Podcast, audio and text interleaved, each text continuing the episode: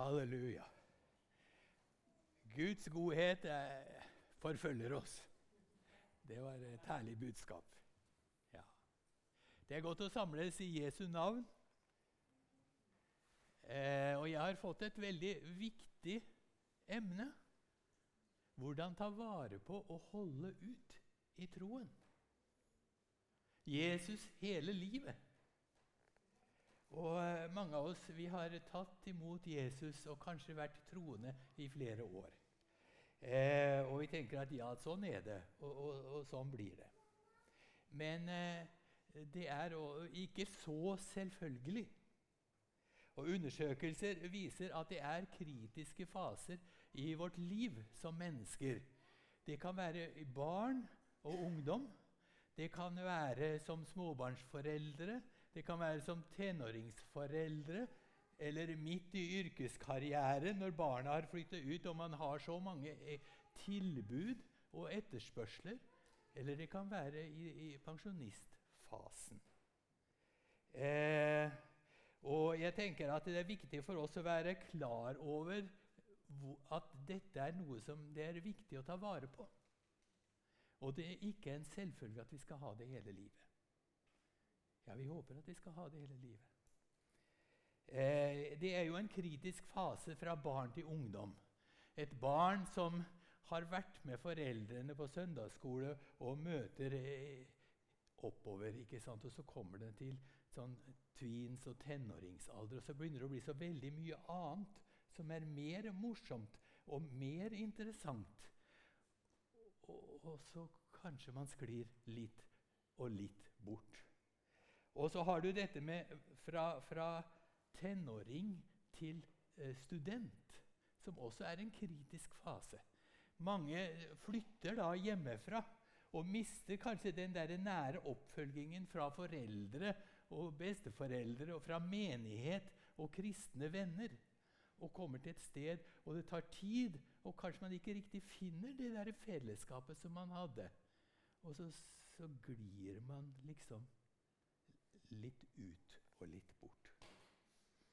Eh, og det, over, Den overgangen der mellom, mellom si, tenåring og student den er også krevende, og kanskje hele barnealderen oppover. For det er også intellektuelle utfordringer som vi møter i vårt samfunn i dag. Altså, hva, hva er det vi tror på? Og hvorfor tror vi det vi tror? Og uh, vi, holder det i forhold til vitenskap og, og, nyere kunnskap? Og dette at vi hjelper barn til å vokse i sin tro. Vokse fra barnetro til en moden og mer voksen tro er også veldig viktig. F.eks. det der med skapelse. Vi tror jo at det er Gud som er skaperen. Men eh, i, i, skolen i dag så får du høre helt andre ting. Men skapelsestro er ikke uvitenskapelig. Fordi når vi ser hvor fantastisk naturen er samkjørt, og hvor, hvordan den er bygd opp, så skjønner vi jo at det er en vilje bak. At det er en skaper bak det, at det er en intelligens bak. Det er ikke en tilfeldighet som har ramla ned et eller annet sted etter en eksplosjon. Nei. Men, men, det er viktig at det er ledere, at det er foreldre som er åpne for å snakke med barna om sånne ting. Og la troen få lov å vokse, også på det etiske området. Hvorfor mener vi at det, det er best med at det er én mann og en kvinne som, som skal eh, leve sammen? Og, og, dette Hvor mange kjønn er det egentlig? Og så videre. Mange ting nå som kommer opp som uh, unge, unge kan bli forvirra. Men da er det viktig at, det, at vi kan snakke om ting, og at vi kan være med, og at vi, vi, vi, vi kan gi hjelp. Det er, det er, en undersøkelse Pew Research Center i, har gjort en undersøkelse i Norge av barn som vokser opp i kristne hjem. Og Det viser seg at kanskje en 35 forlater troen eh, når de vokser opp. Og Det er jo noe som vi som menighet og som foreldre må virkelig ta inn over oss. Vi ønsker ikke at våre barn skal gå tapt. Eh, ja, og vi som eh, er voksne, og, og noen som nå eh, ungene har flyttet ut, så er det jo også i den der fasen hvor, eh, hvor, hvor, yrkeskarriere betyr veldig mye, og man får spennende tilbud om det ene og det andre av prosjekter og forskning og hva man enn kan være med på. Og så må man på en måte, så, så kan troen komme litt i utkanten. Og man kan engasjere seg så mye i andre ting at man til slutt går tom. Så spørsmålet i dag er hvordan kan vi ta vare på og holde ut? Og hvordan kan vi ha Jesus hele livet? Hvordan kan troen bli en ressurs for vårt liv og bærekraftig gjennom de ulike fasene som vi går igjennom, med, med ulike utfordringer? For det, så, så, lenge har jeg levd at jeg har sett at ulike faser har også ulike utfordringer. Men, men troen er det som skal bære oss gjennom alle fasene i livet. Og Da vil jeg dele litt fra Bibelen og litt fra det jeg har sett og erfart også sjøl. Eh, og da vil jeg ta utgangspunkt i, i den første menigheten. Eh, på pinsedag så var det jo 3000 som tok imot budskapet og ble frelst. Og de ble faktisk døpt samme dag. Så de tok et eh, skikkelig hva skal vi si, et valg. Og så skal vi se om denne her virker. Den må kanskje skrus på, ja. Der kom den. Ja. Den kom. Skal vi se Der! Apostelens gjerninger 2, 42. Det står om de første kristne. De holdt seg trofast til apostlenes lære og fellesskapet, til brødsbrytelsen og bønnene. Jeg tenker at dette er jo de kristne og de urkristne kraftkildene som var viktig i den første menighet, og som fortsatt er viktig. Sånn, ja. Takk skal du ha. Det er fortsatt viktig. Jesus sa mennesket lever ikke av brød alene. Dette er de fire b-ene. da. Og Den første, altså apostlenes lære, det er Bibelen.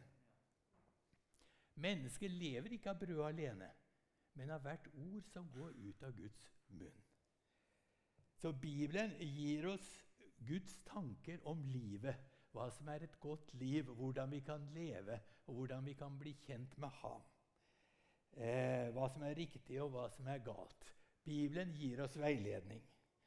Og I vår tid så bombarderes vi jo med inntrykk fra mange kanter. Det er politikere, det er eh, massemedia, TV, aviser blader, ikke minst sosiale medier, som, som tar opp mye av vår tid. Og eh, hva er det egentlig som skal prege mitt liv? Hva er det som vi får, gir anledning til å prege vår tenkning? Det er et stort spørsmål. Er det Bibelen? Eh, da jeg var, eh, gikk på ungdomsskolen, så tok jeg en beslutning innenfor Gud også at jeg skal lese et kapittel fra Bibelen hver dag. Ja.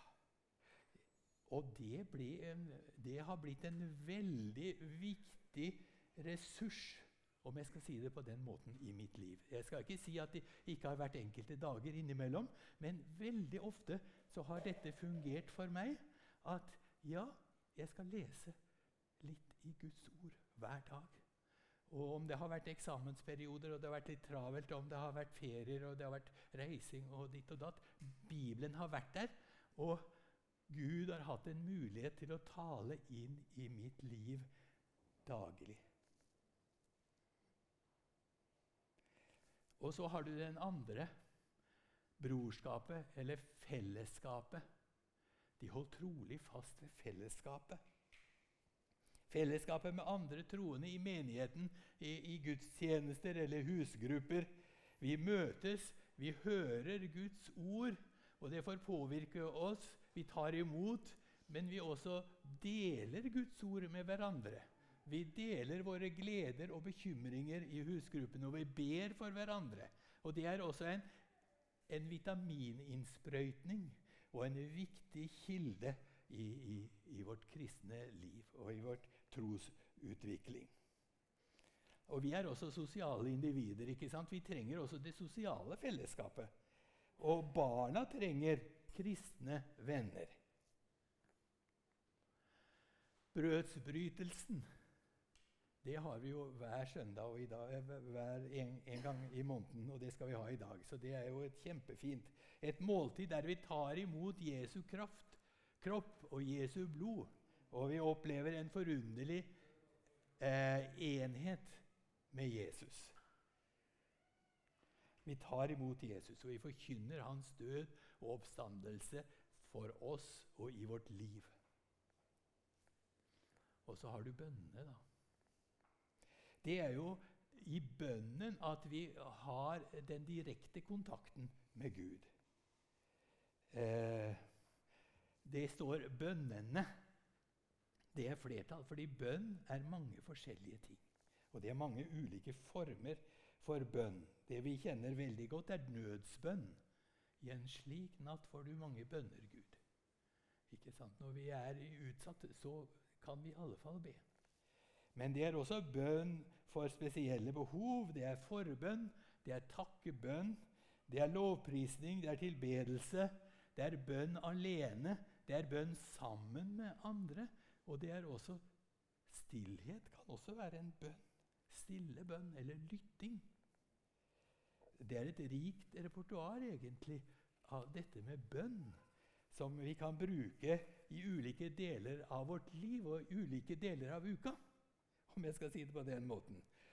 Vi har så mye å takke for, og jeg kjenner av og til at jeg, jeg trenger å løfte hendene. Det er veldig herlig også her i, å prise Gud for Hans nåde, for Hans velsignelse. At jeg får være Guds barn, at jeg er i Hans hånd med mitt liv. Ikke sant? Det, det, det kan vi prise Gud for. Men noen ganger så kan, kan det være bare at vi være helt stille og høre hva Herren sier. Og bare være stille for ham og lytte. Moder Teresa, som sikkert mange har hørt om her, som levde hele sitt liv blant de fattigste av de fattige i slummen i India, og som fikk Nobels fredspris, hun ble en gang spurt hvordan ber du til Gud. Så sa hun jeg lytter. Og så spurte de ja, men hva sier Gud? Ja, han lytter også sa ja, å lytte. Å lytte til Gud. Eh, det kan jo være at eh, man kan i hvert fall jeg, Av og til når jeg har lest noe, så er det noe som treffer meg. F.eks. Når, når Jesus sa til han Jairus, som hadde en, en en datter som var alvorlig syk, så sa Jesus, 'Frykt ikke, bare tro'. Og, og, da kan jeg liksom bare la det også synke ned. Frykt ikke, Arve. Bare tro. Eller jeg kan bare være stille. Bare være stille og falle litt til ro. Og det har jeg kjent at det er også faktisk veldig viktig. Så disse fire ressursene disse kraftkildene de er tilgjengelige for oss i vårt liv. Og de er viktige hvis vår tro skal vokse, og vi skal få bærekraft. Troen skal få bærekraft i vårt liv, både for oss sjøl, for våre barn, for vår familie og for de omkring oss. Eh, og da, da, er det viktig å tenke igjennom hvilken plass har Bibelen i mitt hverdagsliv gjennom uka. Har det en plass? Eh, hvordan bidrar jeg til fellesskapet? Jeg, tar jeg vare på fellesskapet i husgruppene eller i, i gudstjenestene? Bidrar jeg? Hvilken plass har nattverden? Forstår jeg? Nei, vi forstår ikke. Jeg forstår ikke dybden av nattverden, men jeg tenker at det er fantastisk å få lov til å ta imot. Ta imot Jesus. Og, og dette med bønnen. At bønnen får plass gjennom dagen og gjennom uka. Og hvilken plass gir jeg for bønn? Ja, nå kunne jeg egentlig ha slutta her, da. Men jeg, jeg, har noen poeng til her. Og det er eh, betydningen av gode vaner. I forhold til disse fire kraftkildene som jeg nevnte. Det er noe med, Hva er en god vane? Ja, Det er noe du bestemmer deg for å gjøre på samme måten og til samme tid regelmessig.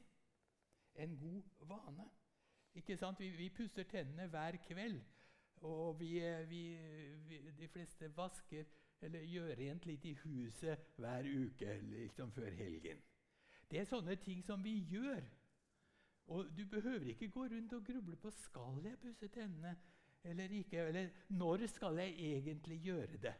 Nei, du bare gjør det, og så ferdig med det. Sånn er det.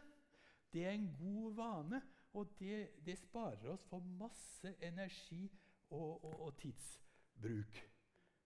Gode vaner. Eh, og, og det, det på det åndelige området så er det også dette med vaner. Og Det står om Jesus. Han kom til Nasaret, hvor han hadde vokst opp. Og på sabbaten gikk han inn i synagogen slik han pleide. Han pleide å gjøre Til og med Jesus pleide å gjøre det. Skulle tro han, Det var ikke nødvendig for han. Jo, han pleide det. Men så står det også i Hebreerbrevet 10 så står det om noen som hadde dårlige vaner. La oss ikke holde oss borte når vår menighet samles, som noen har for vane. La oss heller oppmuntre hverandre. Og det er så mye mer som dere ser at dagen nærmer seg. Dårlige vaner.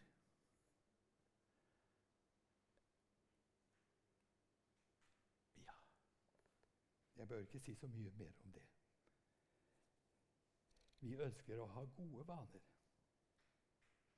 Gode vaner hjelper oss å gjennomføre ting som er viktige, og ting som vi, vi vil prioritere, og sørge for at det skjer. Så bestem deg for at du vil lese i Bibelen hver dag. Litt i Bibelen hver dag. Bestem deg for hvilken tid som er best for deg, og så begynn å gjøre det. Om det er om morgenen, det er best for meg, men, eh, men eh, det, hva som er best for deg, om det er kanskje etter middag, kanskje det er før kveldsmaten. Det tar ikke så mye tid. Det må ikke ta så fryktelig mye tid. Kanskje bare ti minutter. Vi har kanskje ti minutter til Herren alle sammen i løpet av en dag. Ti minutter. Eh, ta et valg og gjør det til en vane. Og jeg tror at vi vil høste av det for vårt liv. Vi får vår tro. Eh, og, og, dere som er småbarnsforeldre Nå tenker jeg kanskje på de som har sånn toåringer, og, og sånn, men kanskje de som, i hvert fall når ungene vokser litt til, så tenker jeg at det gjør det også når de er våkne. Det er viktig for dem å se at Bibelen er en viktig bok for mamma og pappa. De leser ikke bare for meg om kvelden, men de leser for seg sjøl også. Og det er viktig for dem. Og jeg har et lite poeng der, så det kan vi diskutere etterpå. Men jeg sier les i papirbibelen deres. For altså, Hvis du sitter der med mobiltelefonen og leser Bibelen, så tenker de nå sviper pappa over Facebook og Instagram og Twitter og andre ting. Og det er ikke noe eksempel. Det er snarere tvert imot. Ikke sant? Sånn at det, la dem se. Han har en bibel, hun har en bibel, og det er en del av deres liv. Og da vil det bli en del av barnas liv også. Og det samme venner, gjelder det når det gjelder fellesskapet. Bestem deg for hvordan du vil prioritere søndagene. Er gudstjenesten viktig for deg, eller er det ikke så viktig? Og da spørs det, For det vil påvirke også om det vil bli viktig for dine barn og for din familie. Det, det, det, er en del som har kommet til meg i løpet av årene som har sagt det, det er så vanskelig, for, for våre barn har ikke noen venner i menigheten. Men du vet, det får de ikke hvis de er der hver tredje eller hver fjerde søndag. Ungene blir ikke kjent. De blir fremmede, og de får ikke venner. Og de glir sakte, men sikkert ut av menigheten. Og det er veldig, veldig alvorlig. Barna ser hva som er viktig for oss, og ser hvordan vi lever. Og de trenger også å få fellesskap og få vennskap med andre kristne. Men ja, troen er ikke bare gode vaner. Nei. Troen eh, Gode vaner er til stor hjelp fordi det, det, det, det Særlig i en travel hverdag. Men troen er mye mer. Troen er et fellesskap. Fellesskapet med Jesus. Vennskapet med Jesus. Bli i meg, sier Jesus, så blir jeg i dere. Slik som grenen ikke kan bære frukt av seg selv, men bare hvis den blir på vintreet. Slik kan heller ikke dere bære frukt hvis dere ikke blir i meg. Vennskap med Jesus. Nærhet til Jesus. Peter sier at vi skal vokse i nåde og kjennskap til Jesus Kristus. Jeg kaller det ikke lenger tjenere, sier Jesus, for tjeneren vet ikke hva Herren hans gjør. Jeg kaller dere venner. For jeg har gjort kjent for dere alt jeg har hørt av min far. Vi er Jesu venner. Det er en nærhet til ham. Og det er en av de viktigste og mest bærekraftige eh, tingene i vårt liv.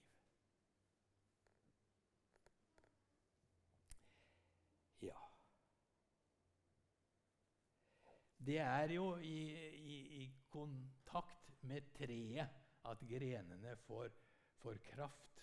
Og det er i kontakt med Jesus at vi får nåde og velsignelse og, og mulighet til å gå videre. Så har vi en ting som eh, jeg tenker på når det gjelder barna. Det er viktig også at barna får et personlig forhold til Jesus. Eh, jeg husker ei jente som jeg hadde i en juniorgruppe som jeg leda. Hun var ca. 11 år, tror jeg. Og vi snakket, eh, og hun hadde jo vokst opp i en menighet og vært siden hun var en neve stor. Og så sa jeg, En dag så jeg, spurte jeg henne er du frelst. da? Ja, sa jeg. Jeg, jeg, jeg vet ikke helt, jeg, sa. Du vet ikke, nei. Men vil du vite det, sa jeg. Ja, sa det vil jeg. Det, hun var veldig villig til å få vite om det. Ja, la oss lese hva det står i Bibelen, sa jeg. Ja. Og så leste vi Johannes 1,12. Ja, hun fikk lese sjøl, så sa Men alle som tok imot ham, dem ga han rett til å bli Guds barn, de som tror på hans navn. Ja, hvem er det som, har, som er Guds barn, da, sa jeg. Ja, så leste jeg en gang til, da. Alle som tok imot ham, dem ga han rett til å bli Guds barn. Dem som tror på hans navn. Ja, tror du på hans navn, da, sa jeg. Og ja, det gjorde jeg. Det var jeg sikker på. Ja, hva har du da, sa jeg. Ja, Så kom det et stort smil. Ja, men da er jeg jo Guds barn, da, sa Halleluja. Og da Ja. Og det, så, så takka vi Gud sammen. Og, og, det var veldig herlig. Og det som var interessant, det var å merke den forskjellen som ble i hennes liv etter dette. For eh, hun, liksom, hun ble så glad, hun ble så trygg, hun ble så frimodig.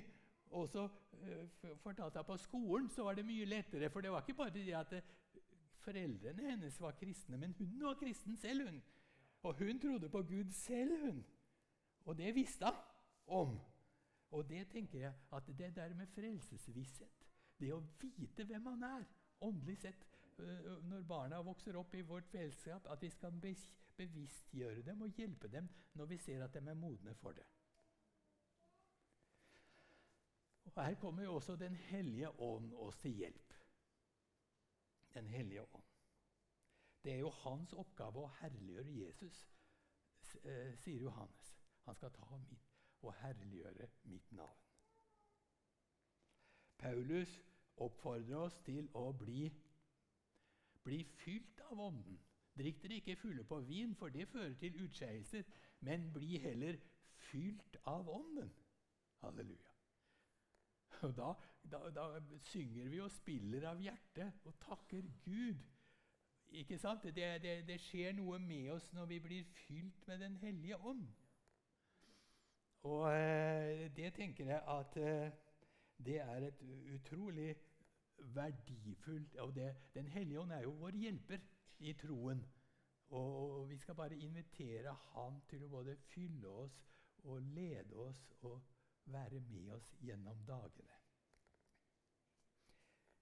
Eh, Paulus oppmuntrer også sin unge bror Timoteus. Han sier, 'Derfor vil jeg minne deg om dette.' La Guds nådegave i deg flamme opp på nytt. Ja, jeg må si at jeg kjente at jeg ble litt utfordra av Paulus der. La den flamme opp på nytt. En ting er at jeg var fylt for lenge siden.